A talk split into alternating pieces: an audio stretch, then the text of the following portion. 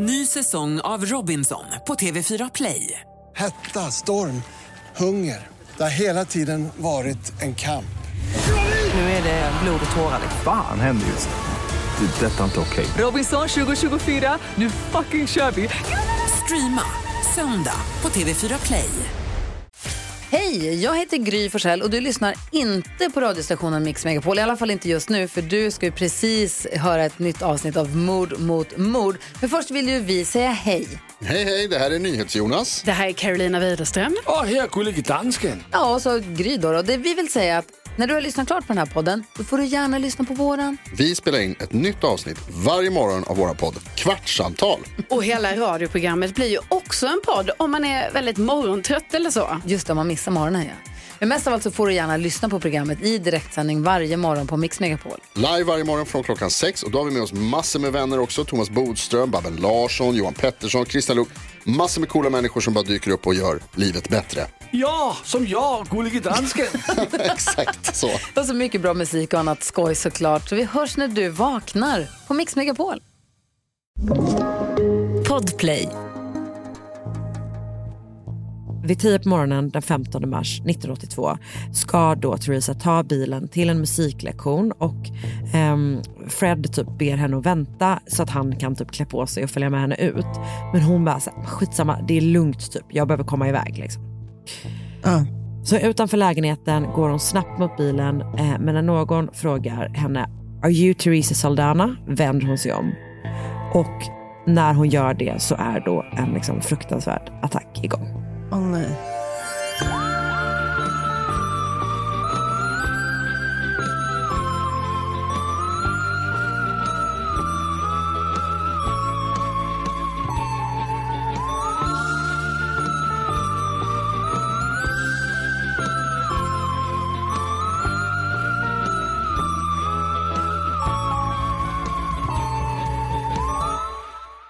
Okej, Redo när du är? born ready. Born Nice. ultimatum. Jag har nog inte sett Born ultimatum. Det är typ var, är absolut en av mina favoritfilmer. Du är så jävla fin. De första är faktiskt skitspännande. Hur många finns det? Det finns typ hur många som helst. De byter ju också person någonstans efter typ tre, fyra filmer. Just det. Vad var ultimatumet? Jag vet inte. Alltså, de heter ju Born Ultimatum, Born Supremacy, Born Identity. Han heter ju... Bourne Jag vet då. inte. Han heter Jag typ så. Jason Bourne, kanske. Exakt. Mm. Exakt det heter han. Gör han det? Och du låtsas att du inte har sett dem. Heter han det på riktigt? ja, Ah, jag måste vara något slags geni.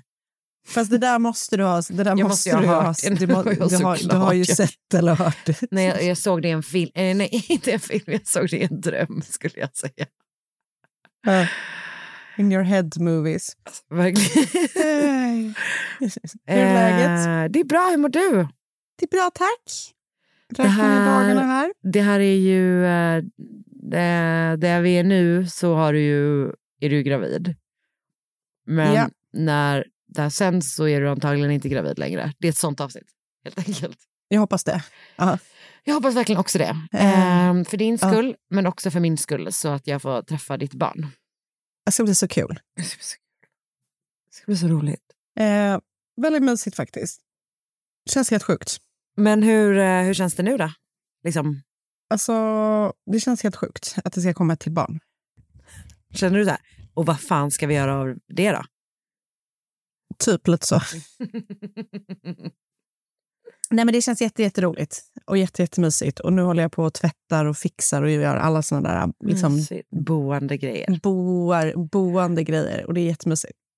Vad säger Och det är faktiskt underbart. Idag när jag hämtade henne på förskolan så frågade hon om lillebror hade kommit. Mm. Så jag vet inte riktigt om hon fattar konceptet, liksom, Lillebror. hur han kommer ut. Förlossning. Det tänker jag att man inte behöver Eh, förstå. För det- man ska typ föda själv, eller? Nej, det är faktiskt sant. I alla fall inte som treåring. Nej, men hon är supertaggad. Eh, verkligen. Och, men hon vill ju typ ha alla hans saker. Vi, vi har köpt en ny barnvagn som kom häromdagen. Då vill hon så här, åka i den. Ehm, hon vill typ så här, alltså du vet, ha hans gosedjur. Jag, vet, jag har köpt en så här, Ah. lite snuttar och sånt Ah, där. ah, Det ah. vill hon ha. Ehm, Ja. och sånt. Så att, eh, men det tänker jag är så normal. Nu är jag ju lilla syster själv. Så, att, eh, jag du har ju det är så alla stora syskon är. Just det. Just det, just det, just det såklart. Att du var den som fick dina snuttar stulna. Liksom. Ja, men det här kanske jag har sagt till dig förut och jag kanske har sagt det i podden också. Men gud vad det är synd om oss småsyskon. Alltså, Alltså- inte, inte om mig faktiskt. Men lyssna nu. Ja, men jag är också småsyskon. Jag vet, men säg jag ska berätta varför. för oss, för vi. Alltså tänk hur mycket uppmärksamhet våra barn har fått. Sally och Sigrid. Ja. Tänk, tänk hur mycket, man tycker allting är så fantastiskt med dem. Du vet. Man bara, allt de gör är typ bara så här, gud vad, det är ett geni typ. Ja, Och verkligen. liksom alltid så här, och, och de, man, liksom, helt odelad uppmärksamhet Ja. får de ju. Ja. Från två föräldrar i vår, vårt fall. Då, och Ja. ditt fall. Eh, tror du att nästa barn kommer få det? Nej. Den kommer ju bara få Nej, nej. glida med. Nej, alltså den kommer Mm. ju liksom inte få ha några saker i fred. Den kommer typ bli slagen på säkert hela tiden för att första barnet kommer vara så här äh, svartsjukt Mm. typ. Eh, den kommer vara typ så här, alltså det märker jag ju när jag, jag har kompisar som har barn nummer två nu. Man säger, oh just du är ju här liksom. Den här Ah. människan som man typ, man vet typ knappt vad de heter för att man minns inte för vad tvåan heter. Alltså det är verkligen, alltså jag tycker så, jag tycker det är så synd om oss. Ja. Alltså missförstå mig rätt. Jag, min, syster, min stora syster som, är, liksom, som jag är bott, som jag liksom är närmst i ålder med, som jag växt upp med. Ja. Hon delar nog inte den här uppfattningen. Nej, det tror jag Eh, inte. Men, men alltså, herregud vad det är synd med småsyskon. Men det finns ju en annan sorts småsyskon med. Som är det här, Mm. du vet, det här småsyskon, men det kanske är att det ofta har gått lite tid emellan då. Alltså du vet, det finns ett sånt, en sån sorts småsyskon som har fått all uppmärksamhet. Förstår du vad jag menar? Men det tycker ju alla stora syskon. Det, är stora, Ah, det jag där har är ju stora, stora syskonlobbyn. Ja, Jag ja, ja, och det, jag har gjort det också. Jag har också gjort det i hela mitt liv, Karin. Men vi har blivit förda bakom ljuset. Det är precis så det är. Ah, otroligt. Man får bara höra hela tiden så här från den stora syskon så här. Du har bara fått och vi har banat väg och du och du Vi har och krossat du. Men glastak i det här, den här Ja. syskonrelationen. Exakt. Mm. Och nu, Mm. Karin, Mm. jag säger bara, jag ser det ur ett annat perspektiv och det är inte kul. Alltså, jag är ju uppvuxen med en väldigt, väldigt, väldigt, väldigt snäll bror. Alltså han var ju så snäll mot mig. Alltså redan från att jag föddes så var han så himla snäll mot mig att han typ gav mig saker, alltså du vet liksom på ett helt absurt, jag förstår inte hur vad som, förstår inte hur han blev, alltså vad som hände liksom. Nej. så det var lite grann som att jag växte upp med tre föräldrar. Ja, okej. Ehm, Men då kanske du är undantaget som bekräftar regeln för det här. då? Men det sagt så skulle jag säga att jag, det var ju snarare så att jag kände mig utanför bland de vuxna, liksom, om du förstår vad jag menar. Alltså att de vuxna hade sin grej och där var då min bror som är två och ett halvt år mig, äldre än mig eh, inräknad. Och sen så fick jag liksom springa efter så var de så här, kids, när jag typ eh, eh, inte ville äta så stark ost typ som min bror alltid ville äta från att han var liten, litet barn. Eh, han var liksom alltid med de vuxna, förstår du? Ja. Så det ja, var... men, oj, alltså, och det är ju för att han har funnits längre än du. Alltså, det, du Va? kommer aldrig, du, vi kommer aldrig kunna... Ta igen. Nej, det, kommer de ha, det, det, kommer, alltså, det kommer alltid vara så att det äldsta barnet har fått mest uppmärksamhet bara av att det har funnits längre. Ja, ja. Okej. Jag bara säger det. Jag, jag liksom har en ny, hel, en ny sorg för min egen uppväxt när jag insåg att jag inte är stora syskon. Vad känner du för ditt eh, barn som ska födas uppväxt då? Att jag ska värna om att han får eh, uppmärksamhet. Men du måste viska det så inte Sigrid hör när du säger det. Exakt, absolut, för annars kommer jag få stryk. Nej, men jag är ambivalent, för samtidigt har man sjukt dåligt samvete. Typ att så här, jag vill absolut inte att Sigrid ska känna sig bort. Alltså, det här, jag, jag skojar ju lite. Alltså, jag är ju absolut allvarlig när jag säger du här, raljerar, Det är också Ja, lite, ja. Det är också lite skoj. Ja, såklart. Men jag är ju eh, eh, jättestressad för att Sigrid ska känna sig bortbytt. Mm, som en bortbyting. Men hon är inte bortbytt. Nej, men utbytta. Utbytt lite, lite utbytt kanske. Eh, det, det, det, ska jag, det ska jag vara väl... Det, det har jag redan dåligt samvete för innan barnet ens har kommit. Perfekt. Jätte, det låter jättebra. Ja. Can't win. Moderskapet, gotta Ja, det, love här it. blev ju, det, det blev ju någon slags moderskapspodd här nu. Har du något, något som du vill eh, Nej. säga? Nej, absolut inte. Jag tyckte det var Nej. toppen. Det var, det var ett givande samtal för mig. Och det är det enda Ja, vad som, jag, eh, som jag personligen önskar. Bra. Jag med. Vad känner du? Är det något Jag som du vill bidra med? Eh, nej. Nej. inte mer än det här, Nej. min, min den här spaningen. Jag tycker det var bra. Nu kör vi. Ett poddtips från Podplay. I fallen jag aldrig glömmer djupdyker Hasse Aro i arbetet bakom några av Sveriges mest uppseendeväckande brottsutredningar. Går vi in med hemlig telefonavlyssning och, och då upplever vi att vi får en total förändring av hans beteende. Vad är det som händer nu? Vem är det som läcker? Och så säger han att jag är kriminell, jag har varit kriminell i hela mitt liv men att mörda ett barn, där går min gräns. Nya säsongen av Fallen jag aldrig glömmer på Podplay.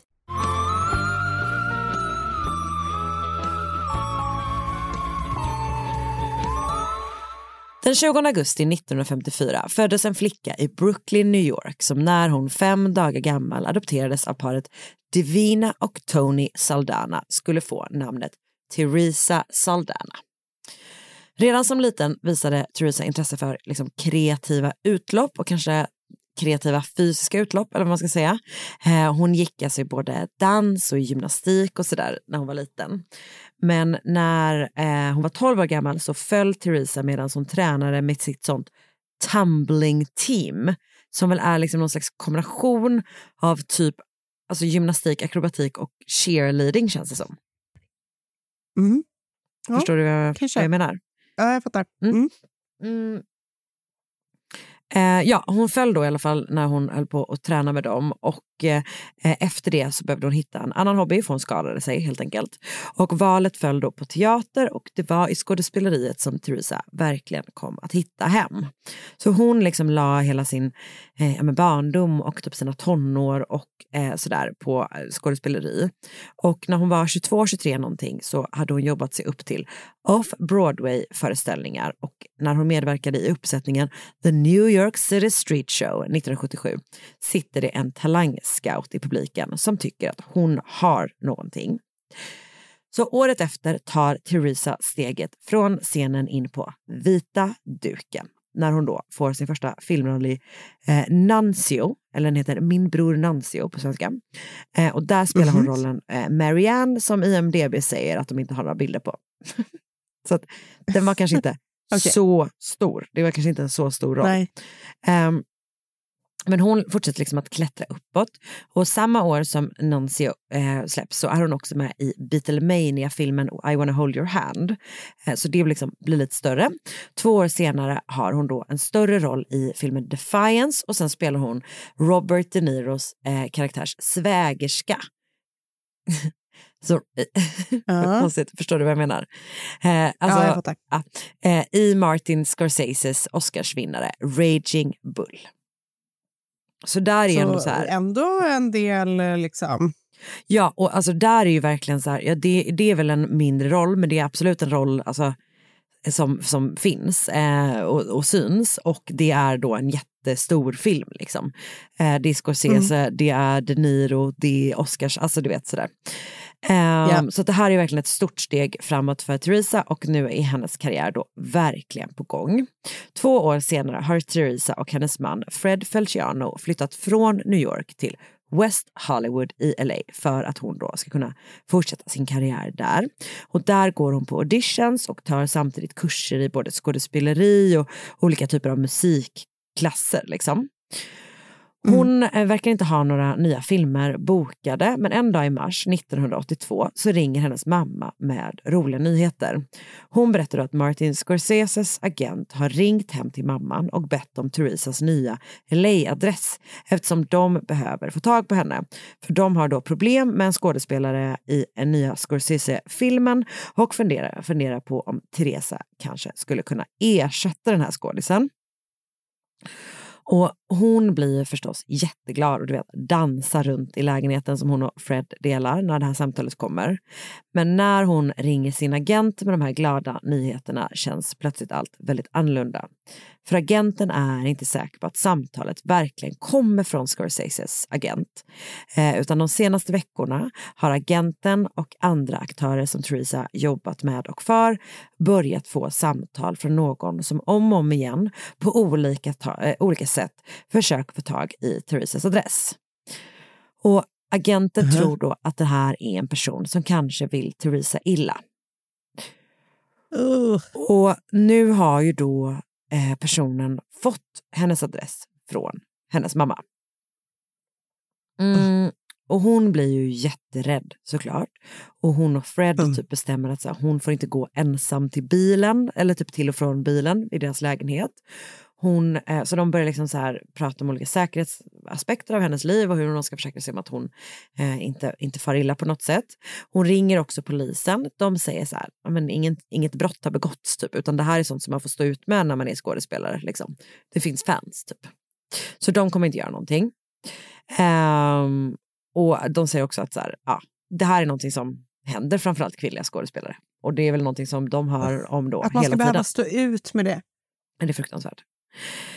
Men dagarna går och ingenting händer och så sakteliga börjar Theresa tänka att det nog inte typ är så farligt ändå. Alltså man försöker väl komma tillbaka i någon slags normalitet och vid 10 på morgonen den 15 mars 1982 ska då Theresa ta bilen till en musiklektion och ehm, Fred typ ber henne att vänta så att han kan typ klä på sig och följa med henne ut. Men hon bara så här, skitsamma, det är lugnt typ, jag behöver komma iväg liksom. Uh. Så utanför lägenheten går hon snabbt mot bilen, eh, men när någon frågar henne eh, “Are you Teresa Saldana?” vänder hon sig om. Och när hon gör det så är då en liksom fruktansvärd attack igång. Åh nej. Eh, en man som hon då aldrig har sett innan attackerar henne med en stor kniv. Han hugger om och om igen mot bröstet och mot benen. Och vet, när hon försöker liksom så här skydda sig med händerna så går kniven igenom händerna. Alltså det är liksom en sån jävla kraft i det här. Hon Mm. skriker efter hjälp, men trots då att det är folk omkring henne, alltså det här klockan är liksom, eh, det är morgon men det är inte så tidigt, det är typ vid tio eller någonting tror jag. Och det är liksom ett bostadsområde i West Hollywood. Det finns massa folk runt omkring henne. Eh, men det är liksom ingen som, alltså jag vet inte om alla själva är för rädda eller om man liksom eh, kanske typ bara fryser till eller vad som händer. Men det är ingen som kommer he- helt enkelt. Nej. Tills då en person, budet Jeff Fenn som är i området för att lämna vatten, ser vad som händer och han liksom kastar sig in i situationen för att hjälpa Theresa. Han får ner gärningsmannen på marken och håller honom där tills polisen kommer. Men Theresa har redan knivhuggits tio gånger. Men med gud. sån kraft att liksom knivbladet har böjts. Och Um, den här mannen som då har knivhuggit henne, han heter Arthur Richard Jackson och han är 46 år gammal och från Aberdeen i Skottland. Och Arthur var enda barnet till en alkoholiserad man som försvann ur hans liv ganska snabbt och mamma Jean och Jean hade stora problem med psykisk sjukdom under Arthurs uppväxt och led bland annat av någon slags tvångssyndrom och sådär. Uh, och Arthur var väldigt rädd att han skulle ärva liksom, den här, eh, hennes eh, psykiska problem, hennes sjukdomstillstånd. Eh, och de, han hade helt enkelt en väldigt svår barndom och han hade en väldigt svår relation med sin mamma också, helt enkelt. Han var ett ensamt barn, redan från ung ålder var han liksom avskärmad från andra jämnåriga och det, folk runt omkring honom tyckte typ att han var avvikande. Alltså han var så tystlåten, höll sig främst för sig själv, tillbringade mycket tid på biblioteket där han typ läste väldigt mycket om arkitektur. Eh, men i ton, inte för att det behöver, man måste vara konstig för att man är på biblioteket. Själv älskar jag nämligen bibblan. Eh, men i tonåren så upptäcker han då ett annat stort intresse, film. Och han börjar drömma om att åka till USA och till Hollywood. Eh, filmen och det här intresset skulle då också komma till eh, att bidra till att han separerade från sin mamma. För när han ser Exorcisten som 14-åring får han då för sig att hon uttalar liksom någon slags besvärjelser över honom. Och efter det så flyttar han ut från deras gemensamma lägenhet och in i något slags men mer eller mindre ett härberge typ i Aberdeen. Aha. Ja. Så det här är uppenbarligen en person som kanske inte har så mycket skyddsnät runt sig för att det är en 14-åring som typ tillåts eller som, som lyckas på något sätt lämna sitt hem och flytta in så här. Liksom. Och uppenbarligen Mm. så mår han ju inte bra redan här. Typ. Tyvärr så kommer det då också visa sig att Arthurs, eh, under Arthurs liv att också han lider av liksom, psykiska problem och han kommer vid till, flera tillfällen att diagnostiseras med eh, schizofreni och leder av såväl paranoida föreställningar som tvångssyndrom. Um, samtidigt håller intresset för film och filmstjärnor i sig. Arthur går på bio så ofta han kan och läser allt som går att läsa om hans favoritämne på biblioteket i Aberdeen. Han lyckas vid två tillfällen ta sig till drömmarnas land, till USA. Första gången går han med i militären. Jag tänker att det här säger så himla mycket om hur sugna de är på att ha folk i militären. Att det är så här, det dyker upp en person som redan vid den tiden, det vet ju inte de då, men ändå är, har, är liksom, är, har eh, psykiska diagnoser och sy, väldigt stora psykiska problem. Men de bara absolut, typ, välkommen in i militären. Men han blir då avvisad därifrån eh, på grund av hans psykiska tillstånd och eh, efter det så skriver han brev till bland annat John F Kennedy och hotar honom till livet och efter det så eh, FBI har liksom koll på honom och han utvisas från USA då. Trots det så lyckas han ta sig in i landet en gång till och tillbringar en del, liksom en tid där in, igen innan han då återigen utvisas tillbaka till Skottland eftersom han inte får vara i landet.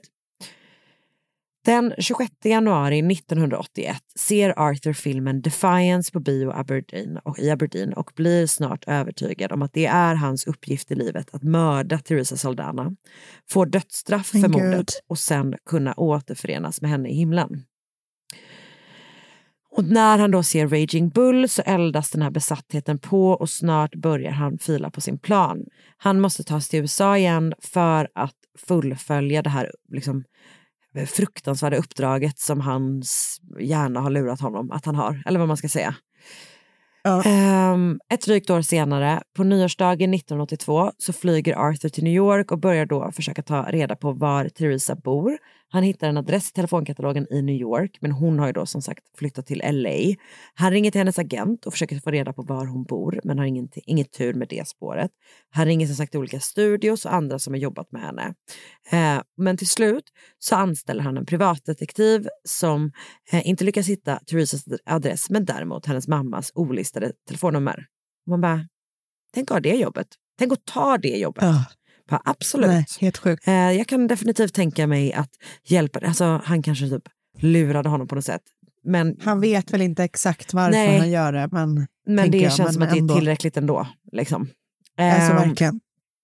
Så han ringer då dit och låtsas vara Martin Scorseses agent och eh, säger då att de vill erbjuda Theresa ett nytt skådisjobb och som vi vet, där får han då napp. Under sin resa genom USA och sin jakt efter Theresa skriver Arthur dagbok om uppdraget och det är en solklart väldigt sjuk person som skriver. Han skriver bland annat att She's an angel, she doesn't belong in the crazy world of show business. If she were dead she would be with the angels. Han dokumenterar hur han letar efter henne men också hur han försöker typ få tag på en pistol. Och Han lyckas ju då inte få tag på en pistol och därför använder han istället en stor kniv när han attackerar Theresa utanför hennes lägenhet den 15 mars 1982. Drygt två månader efter att han kommit tillbaka till USA. Budet Jeff Fenn håller Arthur Jackson mot marken medan de väntar på polisen och någon, liksom något vittne eller någon som är där på samma plats frågar då honom varför han har attackerat Theresa. Han säger att förklaringen finns i en liten svart väska han haft med sig. Och i väskan ligger ett brev med rubriken Death Sentence Petition. Um, som väl är någon slags så ansökan om dödsstraff typ. Och det är adresserat till Care of the Office of Michael, the Archangel and Vice President of Heaven. Men gud. I brevet förklarar han varför han dödat Theresa och varför han i sin tur ska få dödsstraff så de kan återförenas i himlen. När man hittar hans dagböcker så står det då också klart att Theresa var liksom överst på hans mordlista men det fanns fler namn som stod på tur om han då skulle misslyckas med sitt uppdrag. Typ. Theresa har då som sagt knivhuggits tio gånger och hon har förlorat jättemycket blod. Hon förs eh, med ambulans till sjukhuset eh, och är liksom förklarad död. Men man lyckas få igång hennes hjärta igen. Man pumpar in över 10 liter blod i henne och hon svävar mellan liv och död. Men hon är inte död och hon kommer att överleva. 10 den här- liter, man har väl typ så tre i kroppen jag, normalt. an- jag antar att hon eh, alltså fortsätter förlora blod, helt enkelt. Ja, ja, det måste ju vara så, men Ja. det låter ju helt galet. Jag vet, det är verkligen så jävla, jävla mycket blod. Hon kommer då liksom att överleva den här brutala attacken på ett helt mirakulöst sätt och kan berätta om sin upplevelse. Och senare beskriver hon det så här. I will never forget the searing, ghastly pain, the grotesque and devastating experience of this person nearly butchering me to death, or the bone chilling sight of my own blood splattered everywhere. Och tre och en halv månad tillbringar hon på sjukhus innan hon, för att liksom läka innan hon till slut får komma hem. Men det är förstås bara början på hennes läkeprocess. Hon sitter i Mm. rullstol under rättegången mot Arthur Jackson. Eh, och under den rättegången så ber Arthur domaren om en pistol så han kan skjuta sig själv. Eh, han ber också alternativt om att få sitta på Alcatraz som är eh, ett, ett, liksom under den här ehm, den här liksom arkitekturintresset han har. Han har liksom utvecklat ett enormt intresse för fängelset Alcatraz och har också varit där och fått sådana guidade turer eh, flera gånger under hans resor till USA. Typ. Eh. Al- Alcatraz är ju nedlagt redan när den här, eh, Mm, när den här, mm. men han är liksom lite så obsessed vid Alcatraz med. Det var Ehm, jag också när jag gick i sjätte klass. Jag vill det- ändå bara säga det. Ja, men, och det är verkligen, eh, det är typ jätteintressant. Jag håller, jag, jag håller med. Eh, han är ju väldigt tydlig då med alltså, att vad hans uppdrag har varit. Det vill säga, hans uppdrag, eh, hans bilden av det, det, hans egen bild av att han har det här uppdraget är då att han ska döda henne. Liksom. Och han döms till 12 års fängelse och ska sen då utvisas tillbaka till Skottland. När han utvisas kommer det inte finnas någon grund för brittiska myndigheter att hålla koll på honom och det gör förstås Theresa livrädd. För han har fortsatt att hota henne till livet om och om igen under sin tid i fängelset. Han säger att han är besviken på att han inte lyckades skaffa en pistol för då hade hon inte klarat sig. Han är uppenbart fortfarande helt inställd på att fullfölja sin plan och har ju då också lyckats ta sig in i USA flera gånger trots att han liksom inte har fått resa in i landet även innan typ. Så när utvisningen närmar sig anmäler Therese Saldana eh, då att han har skickat massa, massa hotbrev till henne genom åren. Eh, och 1990 så döms Arthur Jackson till ytterligare fängelsetid på grund av de hoten. Han sitter nästan 14 år i amerikanskt fängelse innan han till slut då lämnas ut till Storbritannien. Och säger lämnas ut för att han gör det för att han i ett brev till den, eh, till den polis, brittiska polisen har erkänt ett annat mord. För 1967 hade han rånat en bank i Chelsea i London för att finansiera en resa till USA. Och han fick bara med sig några hundra pund eh, innan en anställd tryckte på larmet. Och när Arthur Jackson då flydde från den här banken så blev han jagad av flera män. Och till slut så Mhm. hinner en av männen ifatt honom och typ mer eller mindre tacklar honom. Men Arthur har då pistol. Så han skjuter mannen som dör på platsen. Och den här mannen heter Tony Fletcher. Han var 33 år gammal och tvåbarnsfar. Och mordet på honom efter det här bankrånet har alltså varit olöst i nästan 30 år. Tills Arthur Jackson plötsligt liksom erkänner. Så 1996 lämnas han ut till Storbritannien. Eh, där anses han inte tillräknelig givet då hans psykologiska eller psykiska tillstånd. Men han döms till det här som finns i vissa länder, du vet, liksom det här förvarsliknande eh, läget. Eh, alltså han blev tvångsomhändertagen och eh, sitter då också på rättspsykiatrisk anstalt i Storbritannien tills han eh, dör i hjärtsvikt 2004, 68 år gammal. Teresa Saldana har då men för livet, men 1984 är hon tillbaka på vita duken i filmen The Evil That Men Do. Samma år kommer tv-filmen Victims for Victims, The Teresa Saldana Story, där hon alltså spelar sig själv och kan liksom Okej. återuppleva sitt trauma från två år tidigare.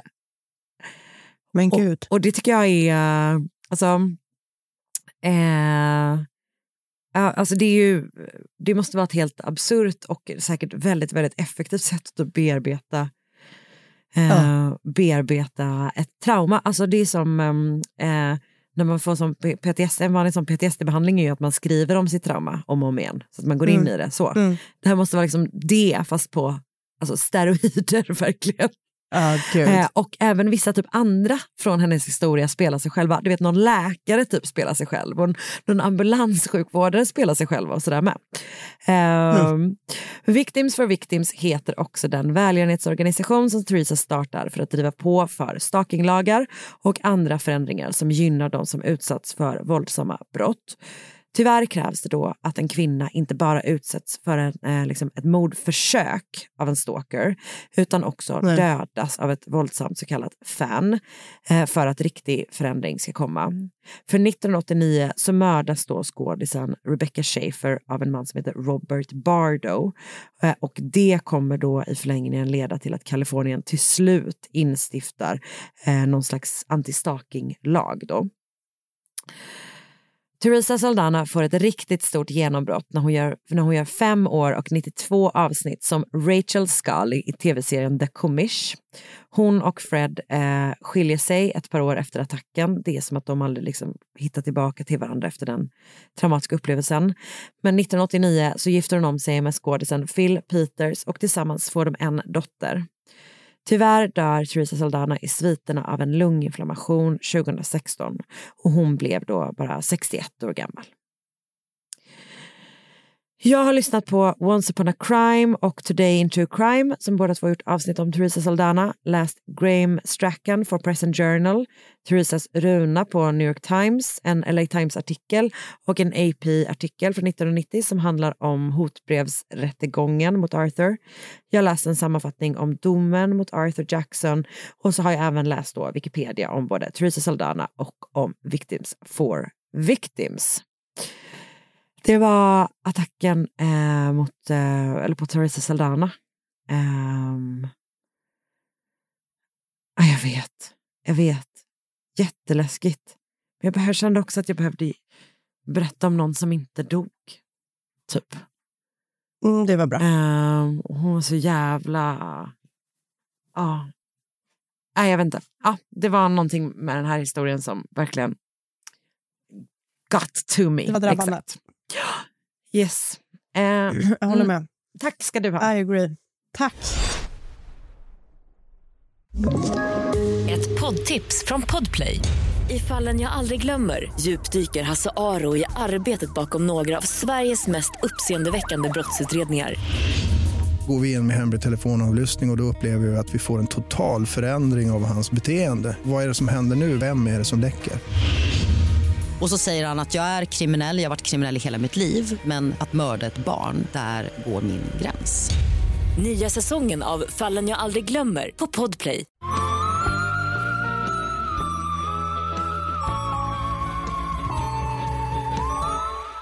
Julie Oldag föddes år 1973 i Plattsburgh i Missouri i mitt älskade USA, dit jag återvänder time after time. Hon verkar ha haft typ en väldigt vanlig uppväxt. De bodde, hennes familj bodde på så här... Jag vet inte om det är en riktig bondgård, men det, det verkar ändå vara så här lantligt, om du förstår vad jag menar. Eh, men hon hade så här en stabil och bra uppväxt och när tiden var kommen så började hon då på college, på, började på Baptips... Bapip. Bap, Bibim Eh, bap. bibapidopidipapupupop. I'm a scatman. Eh. Alltså gud, min bästa låt när jag var liten. Nej, alltså fortfarande. I'm a scatman. Åh, vet du vad? Skibbidibbidabapop. Har du, kommer du ihåg det klippet när det är en som gör det i Småstjärnorna? Nej. Alltså det är så jävla bra. Alltså han, han som gör Skattman i Småstjärnorna är fan a Det måste jag- national det ska- treasure. Det ska jag titta på. Kan det vara typ en högsta dröm att vara med där? Alltså du kommer tycka att det är jättekul tror jag faktiskt. Gud vad roligt. Vi kollar på det sen. Jag ser fram emot det. Ja, jag ser fram emot det. um, jag vill bara säga en instickare bara på Småstjärnorna. För att, eh, min gud, ja. min eh, bästis när, när liksom, typ i eh, lågstadiet, Desi, hon försökte så verkligen uppmana mig eh, till att... Eh, jag vet inte om hon uppmanade mig till att söka, men hon ville att jag skulle uppträda när vi hade disco för att jag var så himla bra på att mima. Okej, men hon uppmuntrade dig alltså inte att söka? Men jag, jag, du- jag minns skrev du faktiskt om det inte i det nu. ditt eget huvud? Det var ju väldigt Eh. vanligt under min barndom att folk uppmuntrade mig att söka småstjärnorna. ja, men det kanske var att jag skulle uppträda på disco för att jag var så bra på att mima. Väldigt, väldigt smal talang att ha. Vad skulle Ehm, du mima till? Vad som helst. Alltså, jag, är ju sjukt bra på, jag har alltid varit sjukt bra Alltså, på låttexter. Ja, men när jag tänker nu efter nu. Mm. Ja, jag tror fan att du är jävligt bra på att mima. Alltså jag kan typ Ja, jag, är skit, jag är skitbra. Jag har liksom ingen annan, det finns inte en enda annan människa i mitt liv som jag kan föreställa mig hur det ser ut när de mimar. Men alltså dig kan jag se kristallklart. Det är för att jag är så jävla bra. Fan, vi måste Alltså, verkligen reboota småstjärnorna för dig. Ja. Alltså det vore så jävla fett. Förutom att jag då är väl typ 30 år för gammal för att vara med nu för tiden. Men ehm, Ja, jag kanske kan sitta i någon slags jury eftersom jag ändå typ är så jävla bra på att mima. just för att du ändå är mimproffset. Det är faktiskt verkligen Exakt. sant. Bra, okej. Mm. bra. Okej, men hon börjar i alla fall på Baptist College i Mm. Liberty som också ligger i Missouri. Och där träffar hon efter... Vad är det alltså, Liberty University? Nej? Nej, Baptist College börjar hon på. Ah, ah jag tror du sa Liberty. Ja, det ligger i Liberty som ligger Ah, i jag fattar, Missouri. jag fattar, jag fattar. Ja. Då fattar jag. Förlåt. Ehm, och efter ett tag så träffar hon en kille där och den här killen heter James och de liksom fattar tycke för varandra. Och eh, Julie blir liksom väldigt, väldigt förtjust. De berättar för sina kompisar och hon berättar för sina föräldrar och du vet, så de tycker också att James är en toppen person. Eh, han beskrivs i, eh, om det var en podd eller en dokumentär jag tittade på, som en eclectic redhead. Vilket jag tyckte var en bra, rolig beskrivning. Eh, Alltså förlåt, men han- ingen annan man har någonsin beskrivit så. Någonsin. Nej, det känns väldigt... Eh, nej, jag håller med. Jag tyckte det Alltså min... Ja, gud vad roligt. Eh, han då eh, föddes 1974 och han är uppväxt i Jefferson City, också i Missouri. Han kommer från en familj som också är så bra. Hans pappa är typ någon slags eh, kongressman och du vet, så här, du vet han, är, han verkar vara lite så silver spoon eh, i munnen från födseln. Eh, och som liten så drömde han om att bli radiopratare och eh, det var någonting som han också då realiserade under sin tid på college där han då skötte inte bara en utan två radiokanaler. Ja. Och eh, han var liksom såklart i den här radiorollen men även som privatperson eller man ska säga otroligt så här, utåtriktad och väldigt eh, liksom, omtyckt av typ alla. Och hans radiopersona, eller nick eller vad man kallar det, det här vet väl du bättre än jag eftersom du är lite av ett radioproffs, Ja. eh, var JP. Men det var, det han, han, det var hans liksom, programledar-alias typ. Ja. Ja. Eh, Det är, jag tror inte det är så vanligt i Sverige, så jag vet faktiskt inte riktigt. Nej, okej. Men det känns som att det är väldigt stort i USA. Att, de, att, det, att det liksom, här är ju också typ, vi, vi har ju några väldigt stora radiopersonligheter, men det känns som att det är liksom väldigt, väldigt, det känns som att det är väl för att USA är så stort. Everything's bigger in America. Mm. Ehm, Men i alla fall, under tiden på college så tar de liksom lite olika vägar. Hon är så väldigt bra i skolan och tar sin examen och hon blir sjuksköterska. Men James han kör liksom på sitt egna race. Eller man ska säga. Och han tar då inte examen utan han fortsätter istället pursua sin radiokarriär. Eh, men de håller ändå ihop och de gifter sig och de bosätter sig efter de har tagit examen i Kansas City. Och eh, hon då får jobb. Dels så jobbar hon på ett sjukhus, men hon jobbar också på något slags... Eh, jag vet inte om det är sjukmedelsföretag eller du vet, någonting lite mer så administrativt. Så hon typ jobbar på sjukhuset lite så på helgerna. Och för att hon typ tycker väl att det är roligt att jobba kliniskt. Men sa- samtidigt så har hon också, eh, jobbar hon med sjukvård på, ja, på, något, på ett mer administrativt sätt. Helt enkelt. Och han kör på då sitt lite mer fladdriga karriärsval där han då också byter arbetsgivare titt som tätt. Alltså du vet, han är en sån person som verkligen hoppar. Han är en hoppjerka. Han är en hoppjerka, så heter det. Något ens föräldrar har uppmanat en hela livet att man inte ska vara. Hade fa- också gjort det? Nej, jag, faktiskt, faktiskt inte faktiskt. Eh, men jag, och jag känner min melodi är ju tvärtom, att man ska, man ska se upp sig ofta. Alltså, och jag tror typ, alltså det känns som typ den äldsta rådet en vuxen kan ge en. Att man så här, säg inte upp dig för ofta från ett, ditt jobb. Ah. Eller alltså man ska väl inte säga upp sig så ofta. Men...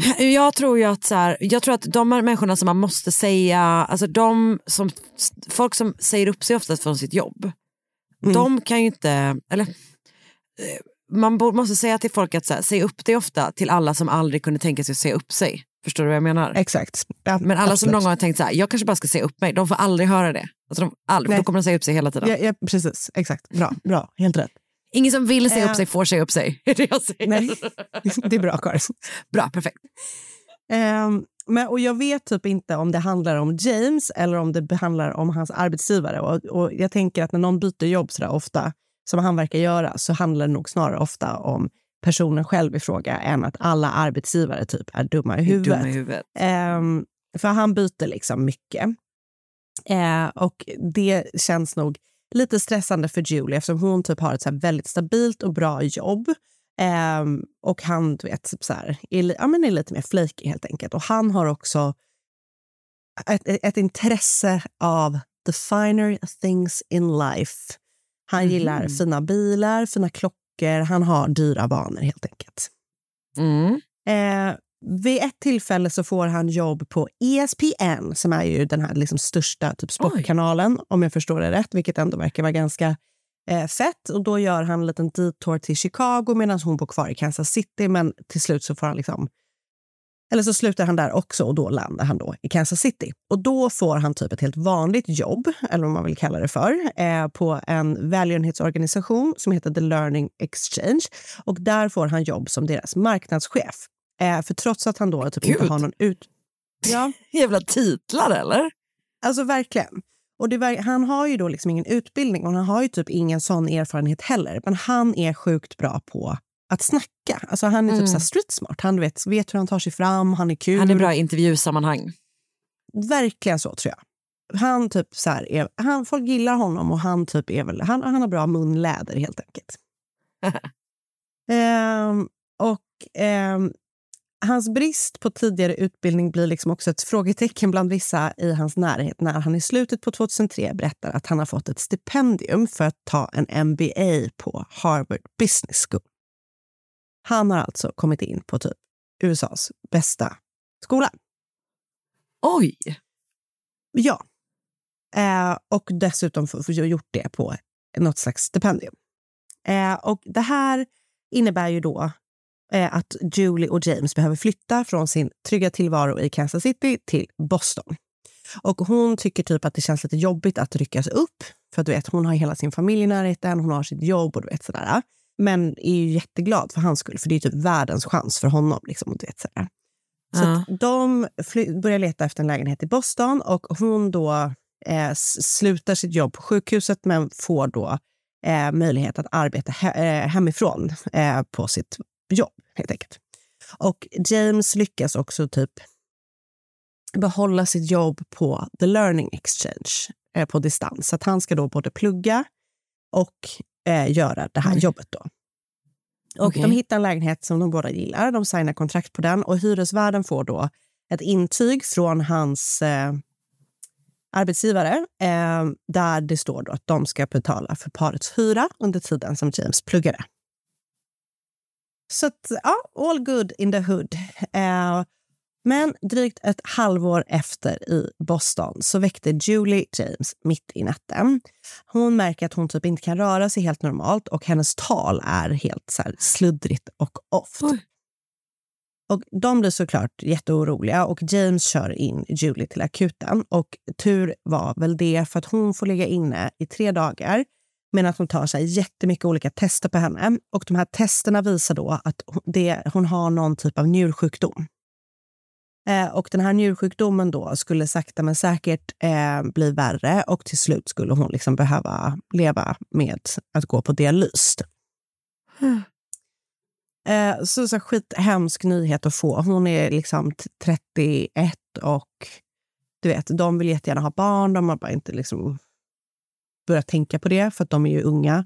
Och du vet Ja. sådär. Så att, ehm, ja, jättesorgligt liksom. Och det som är lite konstigt eller förvirrande är att så här, eh, symptomen har kommit väldigt fort och eh, de är också ganska aggressiva. Eh, så att sådär. Men hon får i alla fall reda på det här att hon, det här är hennes sjuk, att hon har den här sjukdomen.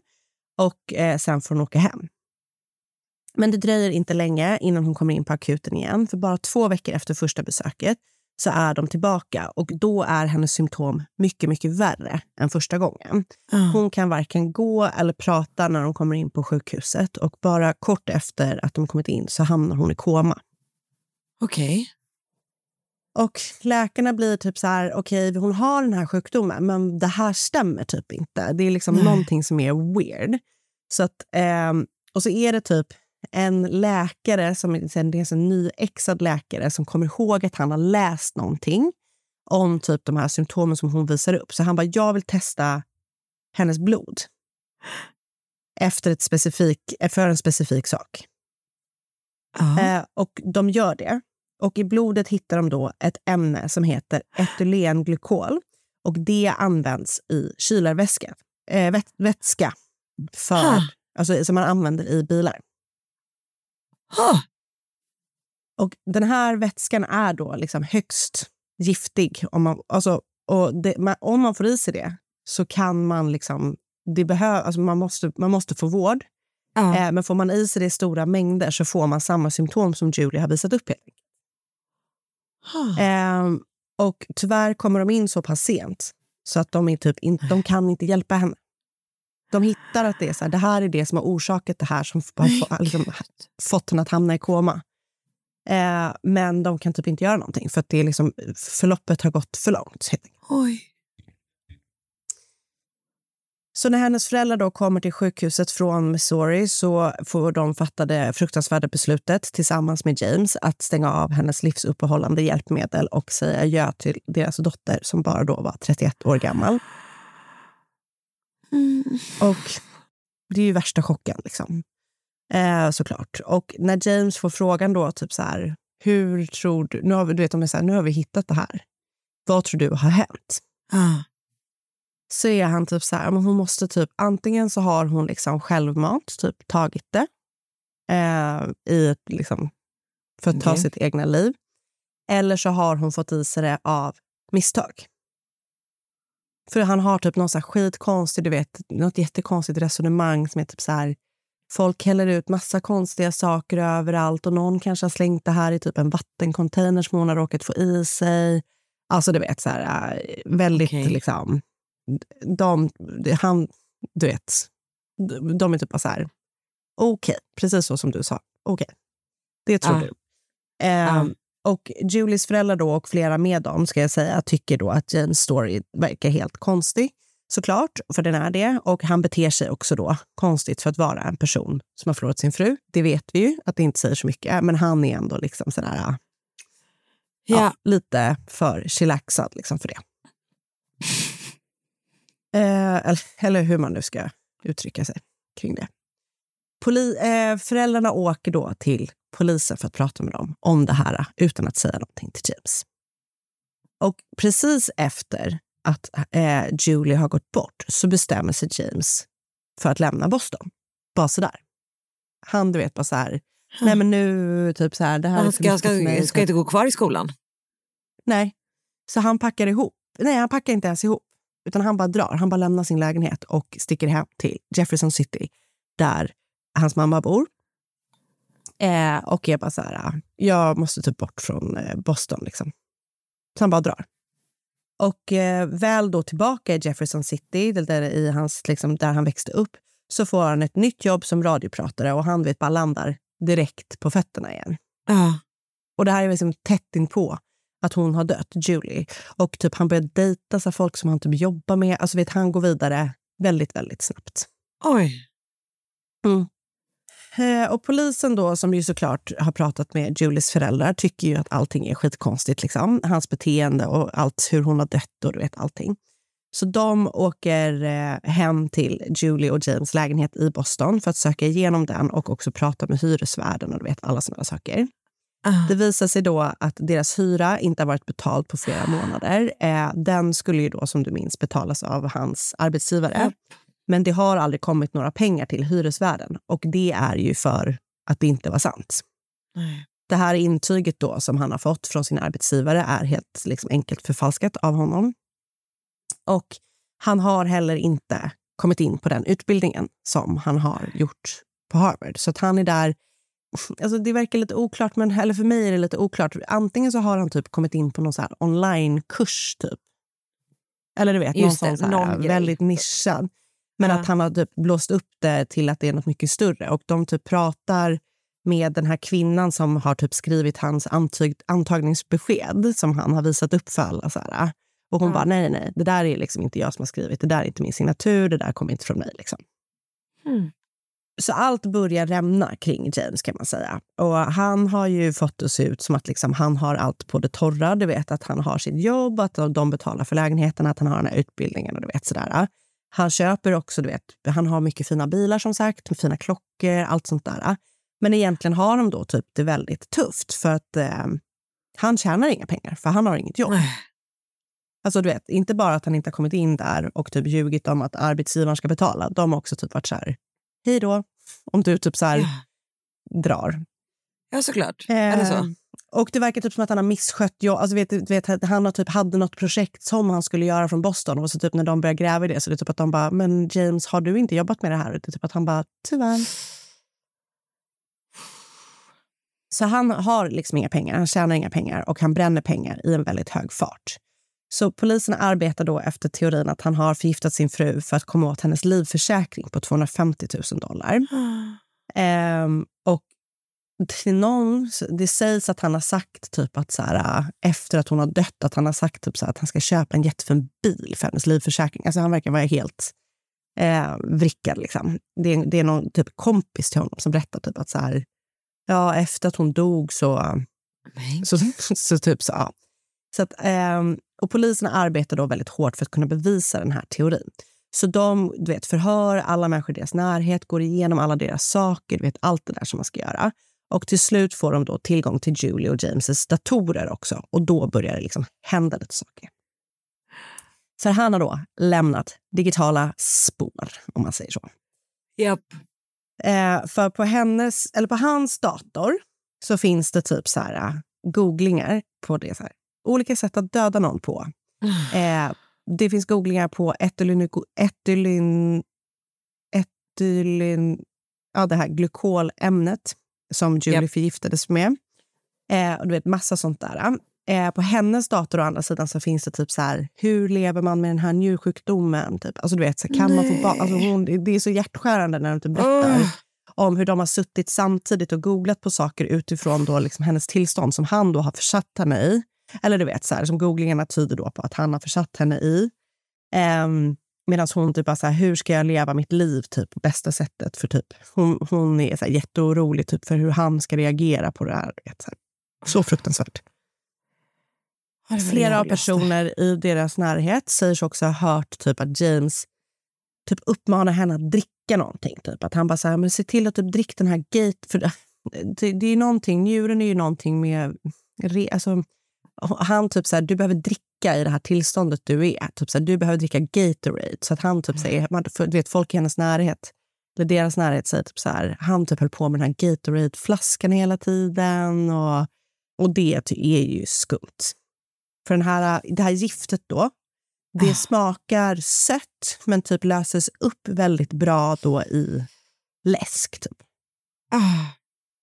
Eh, och du vet, några av deras kompisar, typ, när de får höra det här, det är typ att de bara, fy fan vad sjukt, för vi har också bara sett att han typ försöker mata henne med olika drycker och sånt. Och det tolkade vi som typ omtanke för att hon typ var så sjuk. Typ.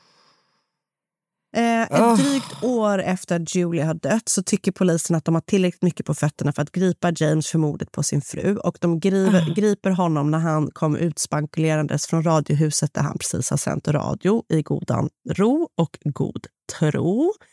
Ehm, och rätt, han förnekar ju såklart det här, att han har någonting med hennes död att göra. Och rättegången inleddes inte förrän två och ett halvt år efter att eh, han har gripits. Och hans försvar gjorde, såklart, det är ju deras jobb, allt för att stoppa liksom, saker som var dåliga för James i den här rättegången. De försökte bland annat hävda att de bevis som åklagarsidan hade hittat i datorn och i deras hem hade mm, liksom tagits fram på ett olagligt sätt och därmed då inte borde få användas i rättegången. Men det fick det göra. Eh, och eh, rättegången inleddes och pågick sedan i två veckor innan det var dags för juryn att bestämma sig för, eller besluta om James var skyldig eller inte. Eh, de har överläggning i en och en halv dag eh, och landar sen i att James var skyldig för, till, eh, skyldig för mordet på eh, hans fru Julie. Och han döms då till livstid i fängelset utan chans till frigivning. Domaren i fallet sa något om att hon var i the presence of real evil när han dömdes och Julies föräldrar fick också läsa upp ett statement i rätten där de uttryckte eh, liksom, deras sorg som han hade åsamkat dem. En person som hela tiden stod och som fortfarande stod vid, står vid hans sida är James mamma och eh, hon fortsätter, precis som han, att hävda eh, hans oskuld. Ah.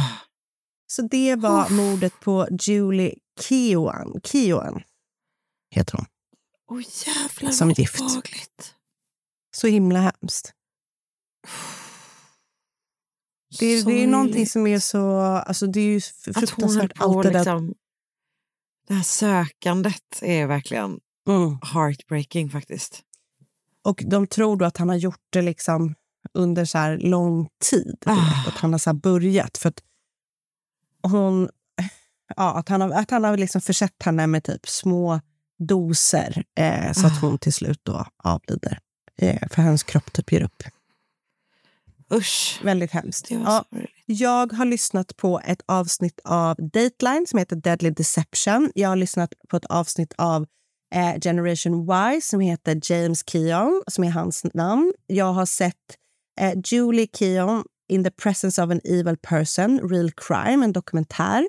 Och sen så Ah. har jag läst ett inlägg på medium.com som heter James Keon was a charming and charismatic conman, skriven av PR King, Nick där. Och sen så har jag också läst en artikel på NBC News som, som handlar då om eh, som heter Death by Deception. Ah. Um, ska vi se vem som har skrivit den? Ja, skriven av Dennis Murphy och sen så lite olika Wikipedia-sidor. Hmm. Du, eh, tack snälla. That's, that was all for today. That was all for today. Så hoppas vi, Vi att när ni hör det här så har Sally fått, har Sally fått ett barn, hoppas vi inte. Nej. Eh, vi hoppas att jag har fått ett barn eh, och att Sally har fått en ny kompis. verkligen! Ja. Det hoppas vi verkligen så mycket. Eh, och ta hand om er och så hörs vi igen snart. Det gör vi. Hej då! Hej då! Podplay. Ett poddtips från Podplay. I fallen jag aldrig glömmer djupdyker Hasse Aro i arbetet bakom några av Sveriges mest uppseendeväckande brottsutredningar. Går vi in med hemlig telefonavlyssning och, och då upplever vi att vi får en total förändring av hans beteende. Vad är det som händer nu? Vem är det som läcker?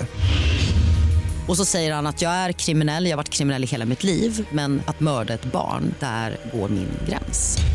Nya säsongen av Fallen jag aldrig glömmer på Podplay.